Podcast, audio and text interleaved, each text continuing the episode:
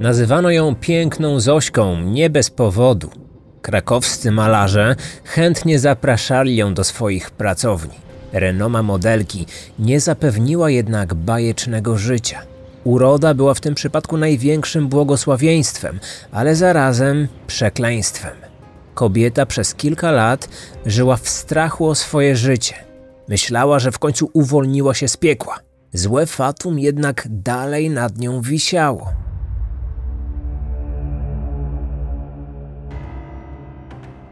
Zanim przejdziemy do przedstawienia sprawy pięknej Zośki, komunikat dla tych, którzy chcieliby słuchać kryminatorium częściej i oczekują więcej odcinków o polskich sprawach.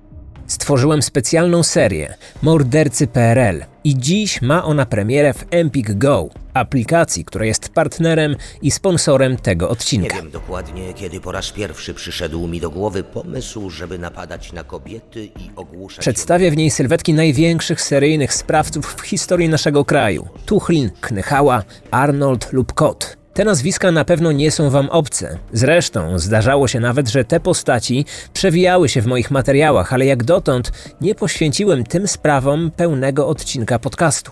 Czy stojąc już na szubienicy żałowałem tego, co zrobiłem? Ani trochę. W nowej serii w Empik Go usłyszycie głosy nowych lektorów, nową ścieżkę dźwiękową i co najważniejsze, odcinki są zdecydowanie dłuższe od standardowych, bo każdy trwa ponad godzinę. Uśmiechał się do dziennikarzy. Machał obecnym na sali sądowej członkom rodzin swoich ofiar. Posłuchacie o szczegółach zbrodni, jakich dokonali najwięksi polscy dewianci. Poznacie kulisy śledztw, które doprowadziły do ich schwytania. Przedarłem się przez krzaki i wyszedłem na chodnik tuż przed nią. Kryminatorium Mordercy PRL. Pierwszy odcinek nowej serii od dziś dostępny jest w aplikacji Empik Go. Kolejnych materiałów wypatrujcie co tydzień. I jeszcze ważna informacja. Z kodem PRL możecie skorzystać z Empik Go za darmo przez 30 dni. Kod jest ważny do końca sierpnia tego roku. Informacje, jak skorzystać z kodu i posłuchać mojej nowej serii już teraz za darmo, znajdziecie w opisie podcastu. Serdecznie zapraszam. Kryminatorium. Otwieramy akta tajemnic. Tamtego dnia większość mieszkańców Dłubni, wówczas wsi znajdującej się pod Krakowem, dziś jednego z tamtejszych osiedli, spędzała czas poza domem. Pogoda sprzyjała i zachęcała do wyjścia na świeże powietrze.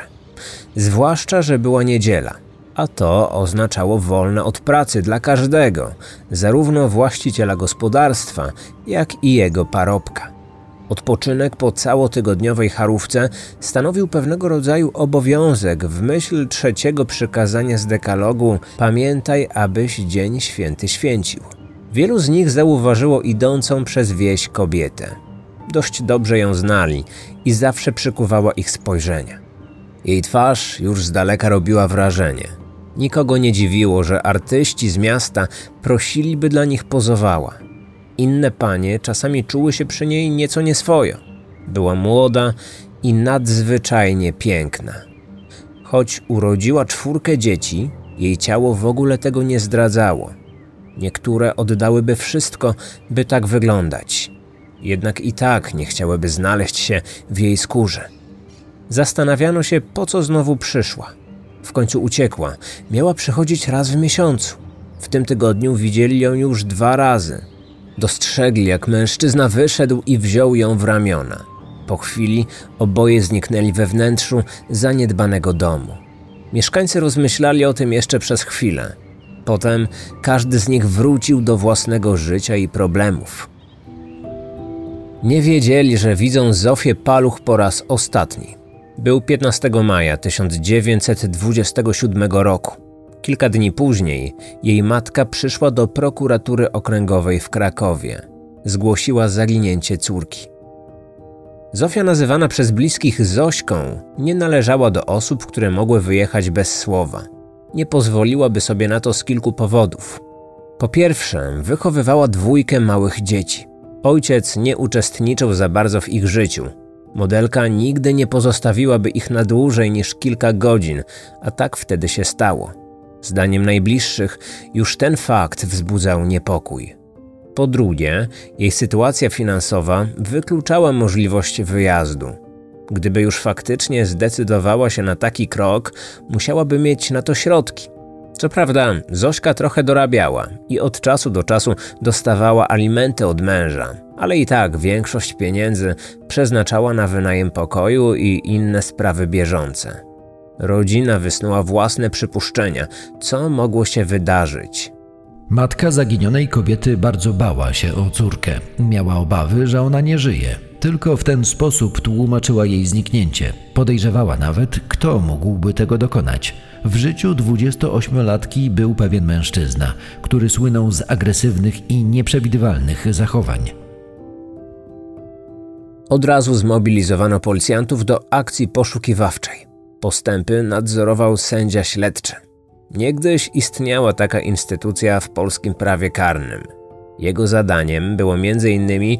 zbadanie okoliczności sprawy. W tym celu na przykład przeprowadzał oględziny miejsc i przesłuchiwał świadków. Szukano dowodów, a przede wszystkim zwłok. Zmartwiona matka mogła mieć rację. Jeśli Zośka naprawdę nie żyła, to jej ciało od kilku dni leżało gdzieś w krzakach lub w wodzie. Stróże prawa nie chcieli też wykluczyć innych możliwości. Poszukiwaną uznawano za nadzwyczajnie piękną kobietę. Czy uroda i wdzięk okazały się gwoździem do trumny? Czy być może ktoś ją uprowadził i przetrzymywał? Na początku należało ustalić kilka podstawowych faktów. Postawiono kluczowe pytanie: Kim jest zaginiona? Zofia urodziła się w 1899 roku. Stan cywilny, mężatka, dzieci, dwie córki. Kobieta miała długie, ciemne włosy, niebieskie oczy oraz idealne proporcje twarzy. Kilkukrotnie we wczesnych latach zasugerowano jej, że malarze z pewnością doceniliby te atuty. Matka dziewczyny niegdyś pracowała jako modelka, Nadal miała znajomości w malarskim kręgu i pewnego dnia postanowiła je odpowiednio wykorzystać. Przedstawiła córkę kilku artystom, których oczarowała uroda Zosi. Przyszło jej żyć w czasach, w których los kobiety był z góry przesądzony, zwłaszcza jeśli nie pochodziły z bogatych domów. Większość jej koleżanek wcześniej wyszła za mąż i urodziła gromadkę dzieci. Ona sama również się nie łudziła, że ucieknie od swojego przeznaczenia. Matka po cichu liczyła jednak na to, że córka będzie wieść lepsze życie. W Krakowie nie brakowało pięknych dam, ale to właśnie młodą chłopką z pobliskiej wsi zainteresowali się wybitni i cenieni malarze. Dla Wojciecha Kossaka czy Piotra Stachiewicza została muzą. Uwiecznili jej piękno i wdzięk na swoich płótnach. Z czasem zaczęto mówić na nią piękna Zośka. Już pod koniec XIX wieku w sztuce narodził się trend nazywany chłopomanią. Artyści o arystokratycznych korzeniach wyrażali fascynację życiem chłopów z dala od głośnego i zepsutego miasta, w zgodzie z naturą. Portretowali osoby wykonujące codzienne czynności, jak na przykład praca w polu, Równie chętnie malowano obrazy przedstawiające kobiety w strojach ludowych. To właśnie do takich dzieł najczęściej pozowała Zośka. Jednak 8 lat starszy od niej Maciej Paluch, początkowo narzeczony, a później mąż, nie rozumiał sztuki. Nawet te dzieła, które przedstawiały jego ukochaną, nie robiły na nim wrażenia. Krzywił się za każdym razem, gdy Zośka jechała do Krakowa. Fakt, Przynosiła pieniądze do domu i każda suma ratowała ich niewielki budżet. Mimo to targały nim emocje i obawy, że ona pewnego dnia zostawi go dla kogoś bogatego i wykształconego. Jako prosty szewc nie mógł jej zapewnić życia jak z bajki. Wielu bogatych dżentelmenów chętnie by to zrobiło, byle tylko mieć przy swoim boku kobietę taką jak ona. Zwłaszcza, że aspiracje niektórych z nich wykraczały poza malowanie portretów. Zdarzali się tacy, którzy poślubili proste kobiety ze wsi, bo wówczas taka była moda. Zośce z kolei, przynajmniej na początku, odpowiadało to, co mógł zaoferować jej Maciej. Nie myślała o tym, by związać się z kimś innym. Nigdy nie dała mu podstaw, by czuł się zazdrosny. Odrzucała wszelkie propozycje związane z pozowaniem do aktów. Choć to z pewnością przyniosłoby jej więcej gotówki, zraniłoby jej partnera. W 1921 roku pobrali się. Zamieszkali w Dłubni. Dom i gospodarstwo należało w większości do niej. Hodowali zwierzęta, m.in. bydło. Panował tam jeden wielki chaos. Mężczyzna nie miał talentu i cierpliwości do prowadzenia gospodarki. Praktycznie w ogóle nie dbał o porządek. Wszystko było na barkach żony, która musiała stać na rzęsach, by zadowolić męża. Małżeństwo spało nawet w jednej izbie ze zwierzętami. Maciej przez długi czas ukrywał swoją prawdziwą naturę. Udawał troskliwego i czułego. Wkrótce po ślubie uległo to zmianie. Nie powtarzał już, jak bardzo ją kocha. Jego zachowanie sugerowało coś zupełnie przeciwnego. Uważał, że jako pan domu i mąż Zośki ma prawo nią dyrygować. Jeśli czegoś zażądał, kobieta musiała dostosować się do jego słów. Miał za to niebywały talent do robienia bałaganu, którego oczywiście nigdy sam nie posprzątał.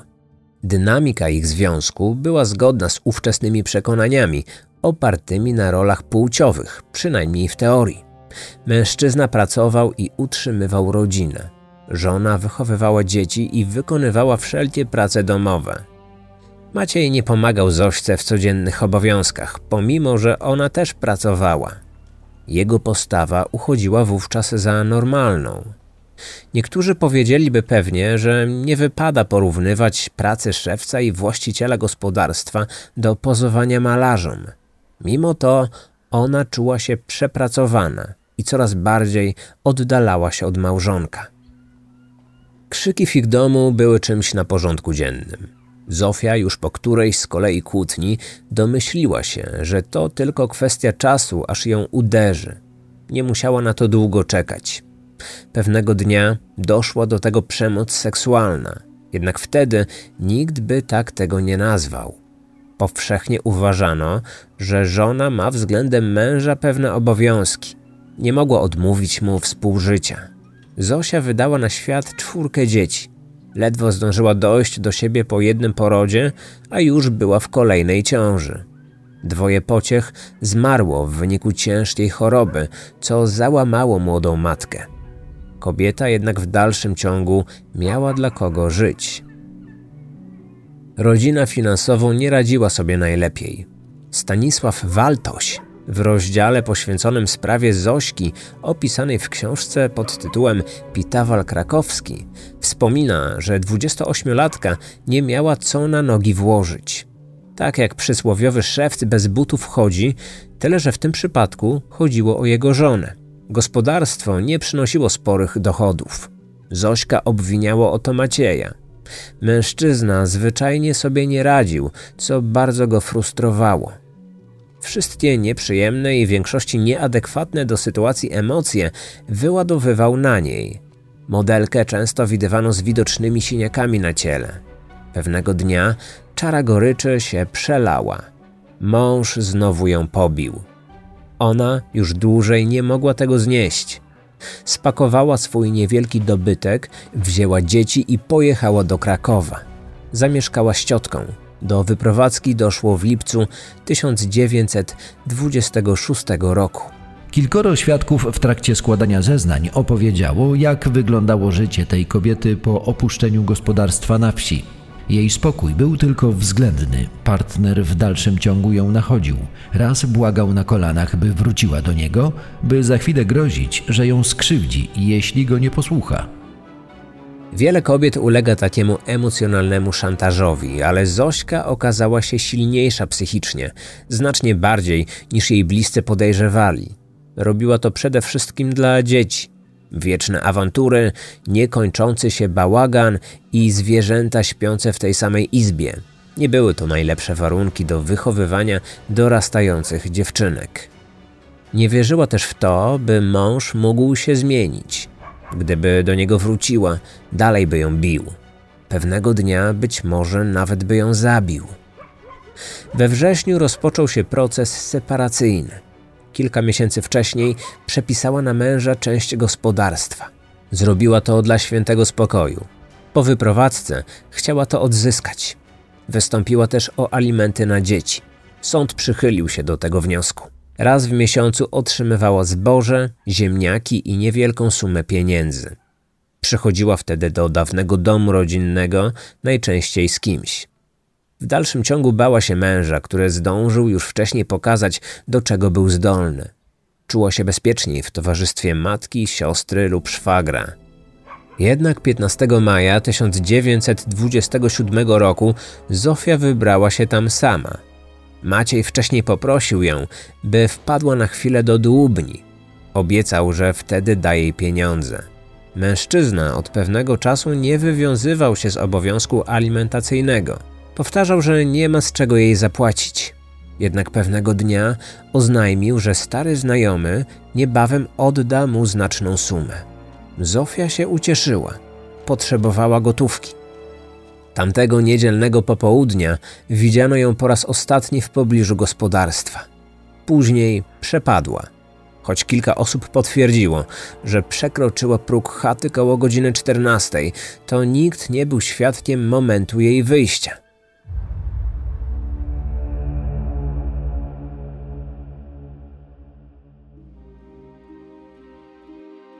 Ucieczce od męża Zośka przez chwilę pomieszkiwała u ciotki.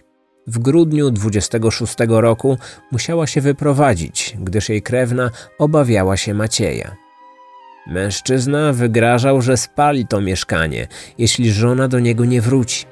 Choć bliscy chcieli wspierać 28-latkę, woleli robić to na odległość. Zwłaszcza, że ich obawy były uzasadnione. Kilka lat wcześniej szewc popełnił przestępstwo. W akcie zemsty wzniecił ogień w domu sąsiada. Nie poniósł za to odpowiedzialności.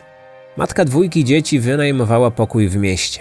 Gospodyni tego mieszkania jako pierwsza zauważyła jej nieobecność. Zmartwiona zgłosiła sprawę na policję, lecz jeszcze wtedy nie podjęto żadnych kroków. Informacja o tym dotarła do matki Zosi, która poszła do prokuratury okręgowej i dopiero w tamtym momencie sprawa nabrała rozpędu. Rodzina zaginionej wiedziała, że 15 maja miała spotkać się z mężem w pobliskiej wiosce. Mężczyzna wielokrotnie groził zarówno jej, jak i bliskim. Nie mógł znieść tego, że od niego odeszła. Nieustannie namawiał ją do powrotu. Kilka dni przed zniknięciem 28-latka odwiedziła gospodarstwo w towarzystwie szwagra. Mąż znowu zaczął się odgrażać. Powiedział nawet wtedy, że w krótkim czasie strzeli ją jasny piorun w samo serce. W innych okolicznościach można byłoby wziąć to za niewinny tekst wypowiedziany w złości i żalu. Teoretycznie miał złamane serce i powiedział, coś Lina przyniosła mu na język. Aczkolwiek biorąc pod uwagę, że Zośka przepadła jak kamień w wodę, należało rozważyć wszystkie możliwości. Po przesłuchaniu rodziny, przyjaciół i sąsiadów, śledczy podejrzewali tylko jedną osobę. Poszukiwanie rozpoczęto od miejsca, w którym ostatni raz ją widziano. 20 maja funkcjonariusze policji odwiedzili dom Macieja. Mąż zaginionej kobiety powiedział policjantom, że kilka dni wcześniej żona faktycznie go odwiedziła. Około 19 wyszła od niego i więcej już jej nie widział. Mimo wszystko dokonano oględzin budynku. We wnętrzu panowała ciemność i trzeba było oświetlić je latarką elektryczną. Wtedy dokonano pewnego interesującego odkrycia. Wewnątrz domu panowały ciemności, ale po oświetleniu latarką zauważono ślady krwi. Znajdowały się wszędzie na meblach, podłodze, piecu, drzwiach. Niektóre z nich były rozpryskane, inne rozmazane, co sugerowało, że usiłowano się ich pozbyć. Odnaleziono też krwawy odcisk dłoni na ścianie. Podobny ślad widniał nie tylko w samym domu, ale również w stajni. Uwagę również zwróciły trzy siekiery. Dwie z nich leżały przykryte kurzem, natomiast trzecia praktycznie lśniła czystością. Szewc na pewno w ostatnim czasie jej używał.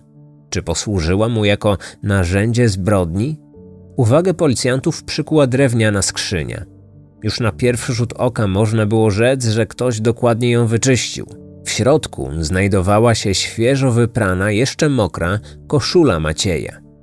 W sprawie pojawił się świadek, który zeznał, że widział, jak w poniedziałek szewc robił porządki.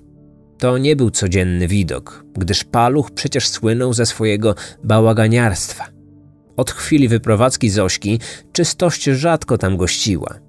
Wtedy jednak w skupieniu szorował ową skrzynię i dokładnie ją oglądał z każdej strony. Na podwórku wisiało pranie. Ta sama osoba potwierdziła, że do podobnej sytuacji doszło także następnego dnia.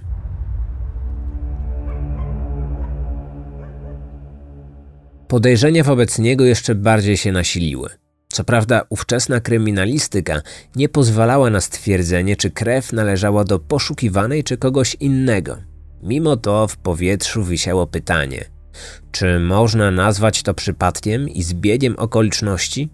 Dwa dni później, w niedzielę, dokładnie tydzień po zniknięciu Zośki, policja prowadziła poszukiwania w całej wsi.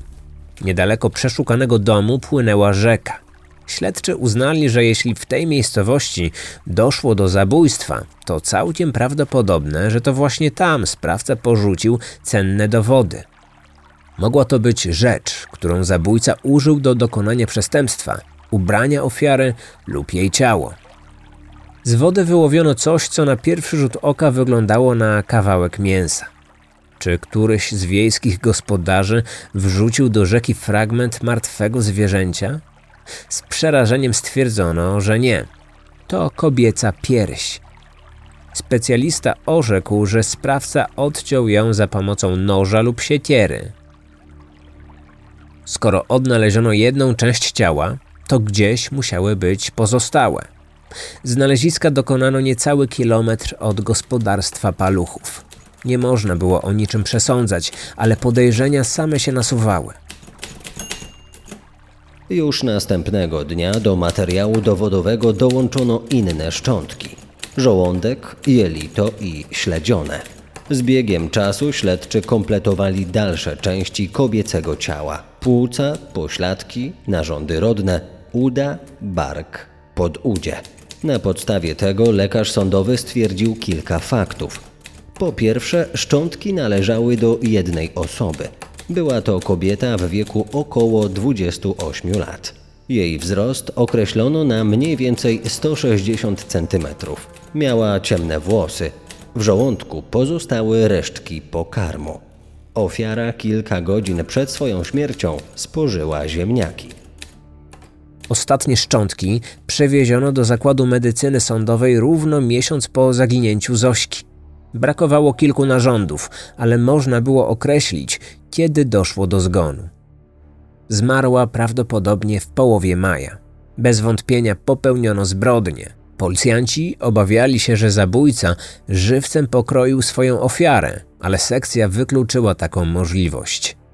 Rozczłonkował ją przy użyciu siekiery i noża już po śmierci. Dzięki dokumentacji medycznej Zofii potwierdzono, że zabezpieczone fragmenty ciała należały do niej. Była brunetką o wzroście 160 cm. Zgadzał się również wiek oraz fakt, że urodziła dzieci. Lekarz zauważył też pewną anomalię w odnalezionej stopie. Jeden z palców był wyraźnie dłuższy niż pozostałe.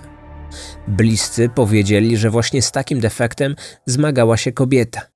Ponadto 28-latka przed opuszczeniem mieszkania w Krakowie zjadła na obiad gotowane ziemniaki. Najbardziej ubolewano nad brakiem głowy.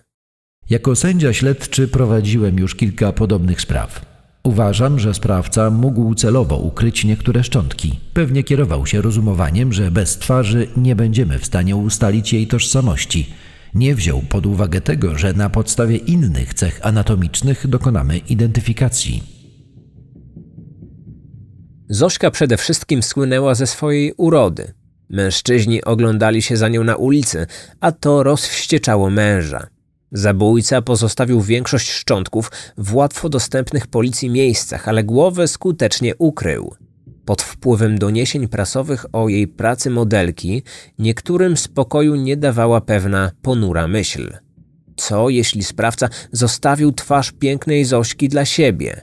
Tak, żeby nikt inny, oprócz niego, nie mógł więcej na nią spojrzeć. Odrzucono jednak taki scenariusz, bo nie tłumaczył braku innych narządów, m.in. serca czy nerek. Na szczęście udało się ustalić bezpośrednią przyczynę zgonu. Stan odnalezionych fragmentów zwłok naprowadził medyków na to, że uderzono ją w głowę. Jak podaje Stanisław Waltoś w swojej książce, świadczyły o tym zatory tłuszczowe w płucach. Pięknej Zośce zadano niezwykle brutalną śmierć. Proces rozczłonkowania z pewnością nie należał do najprostszych. Sprawca kilkukrotnie przyłożył ostrze w te same miejsca i całość zajęła mu wiele godzin. Cały opis zbrodni sugerował, że musiały targać nim silne emocje i łączyć pewne więzi z zamordowaną kobietą. Zabójca nie był kimś przypadkowym, kto po raz pierwszy ujrzał Zośkę i postanowił ją uśmiercić. Tylko jedna osoba mogła tego dokonać. Minęło kilka miesięcy, nim postawiono go w stan oskarżenia. Proces ruszył wraz z początkiem grudnia tego samego roku.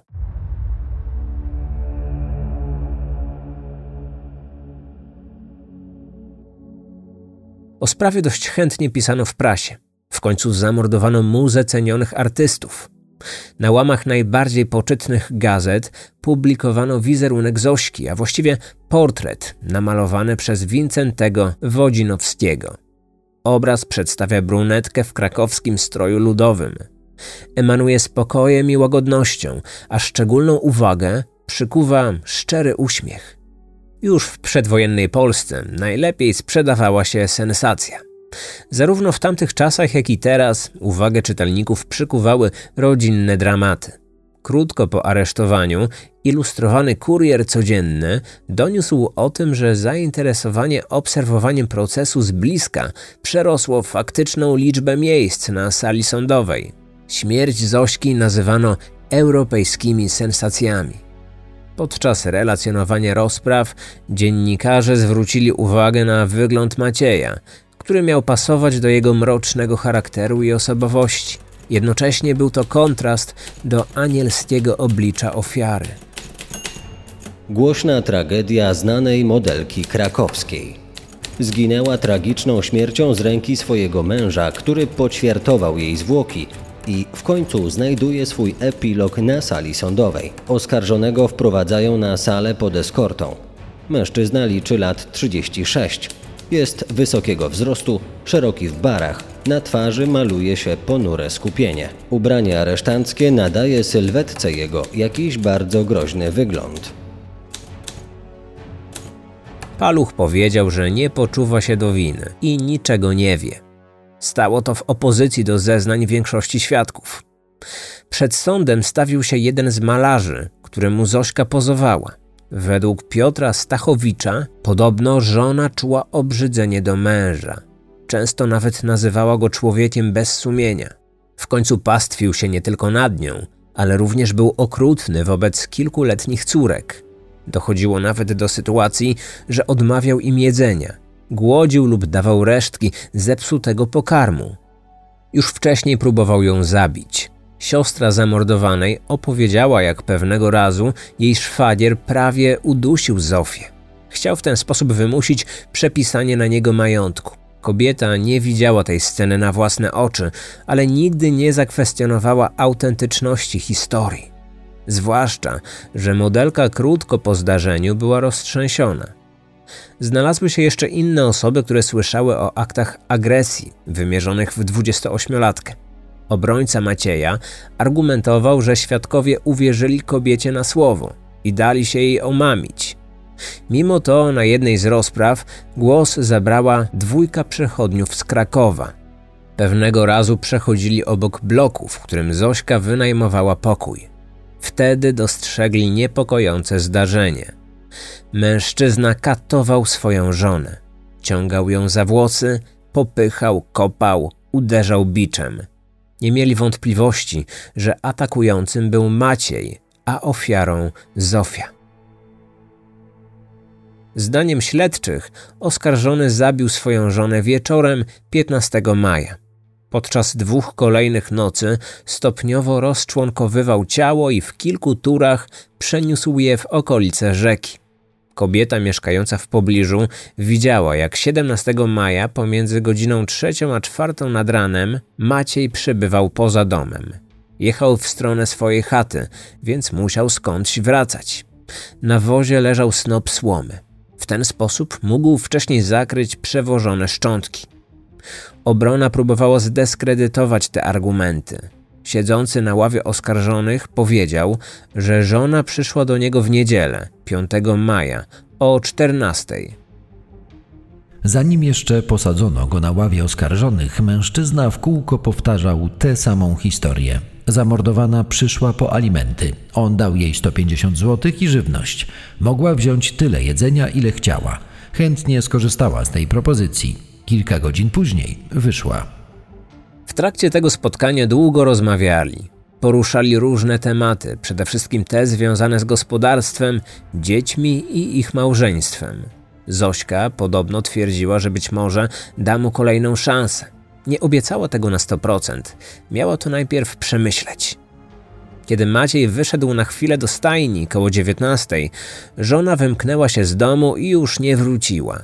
Przed sądem mówił z przekonaniem, że więcej jej nie widział. Nie rozumiał też przyczyny tego nieoczekiwanego wyjścia, bez żadnego pożegnania. Mając nadzieję, że ukochana naprawdę znowu wprowadzi się z dziećmi do dłubni, zaczął przygotowywać się do jej powrotu. Dlatego między innymi posprzątał dom i wyprał ubrania.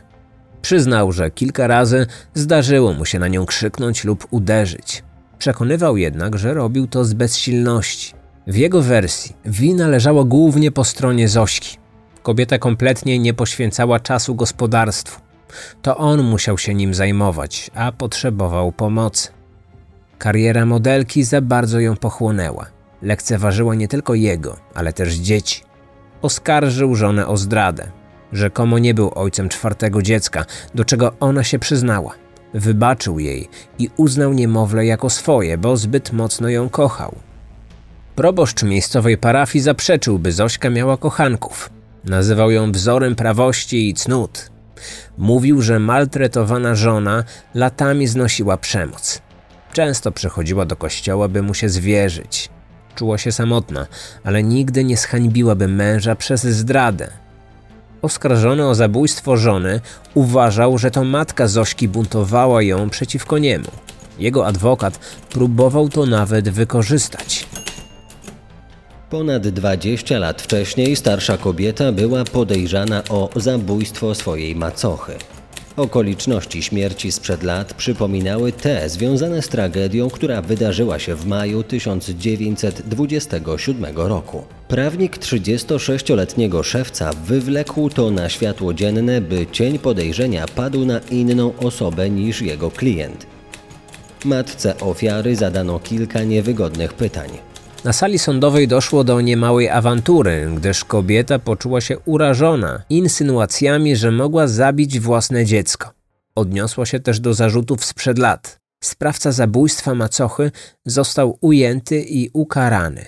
Obrońca wbił wtedy kolejną szpilkę. Nazwał ją alkoholiczką. Matka Zośki podobno naprawdę zmagała się z uzależnieniem, ale to w żaden sposób nie łączyło się z prowadzoną sprawą postanowiła nie odpowiadać na dalsze podobne pytania i sugestie. Jej oczernienie nie przyniosło zamierzonego rezultatu. Pojawiła się też teoria, że ofiara tak naprawdę żyje. Szewc już wcześniej zaprzeczył możliwości, by odnalezione szczątki należały do partnerki. Idąc jego tokiem rozumowania, bez głowy nie można mieć pewności, kim jest ta osoba. Mawiał, że na pewno rozpoznałby ją po charakterystycznych, ciemnych włosach. Pewien mężczyzna rzekomo widział Zośkę w Krakowie dwa dni po jej zniknięciu. Podczas procesu wyszło na jaw, że to tylko plotka, zapoczątkowana przez niewinny żart. Ktoś porównał swoją znajomą do wówczas jeszcze zaginionej 28-latki. Podobno było pomiędzy nimi jakieś podobieństwo fizyczne – Inna osoba to usłyszała i rozdmuchała informację, że kobieta sfingowała swoją śmierć. Trzeba było też odeprzeć argumenty dotyczące śladów krwi na ubraniu i we wnętrzu chaty. Maciej próbował tłumaczyć, skąd się wzięły. Jeszcze zanim proces ruszył, oskarżony, wówczas jako podejrzany, opowiedział mi skąd wzięły się te plamy. Podobno często zdarzają mu się krwotoki z nosa. Tak pobrudził koszulę i spodnie. Zapytałem go wtedy, co z pozostałymi próbkami zabezpieczonymi między innymi na drzwiach i ścianach. To miała być wina zwierząt, które wchodziły do domu. Szczerze mówiąc, jego słowa mnie nie przekonały. Skład sędziowski prowadzący proces miał podobne odczucia. Poproszono o opinię lekarzy. Nie mogli oni jednoznacznie odpowiedzieć, kto krwawił, ale skłaniali się ku odpowiedzi, że był to człowiek, nie zwierzę. Krew zabezpieczono na różnej wysokości, co przekonywało, że pochodziła od osoby. Zresztą taka ilość czerwonej substancji przywodziła na myśl krwawą jatkę. Właśnie taką, w której mąż miażdży żonie czaszkę, po czym kroi ją na kawałki.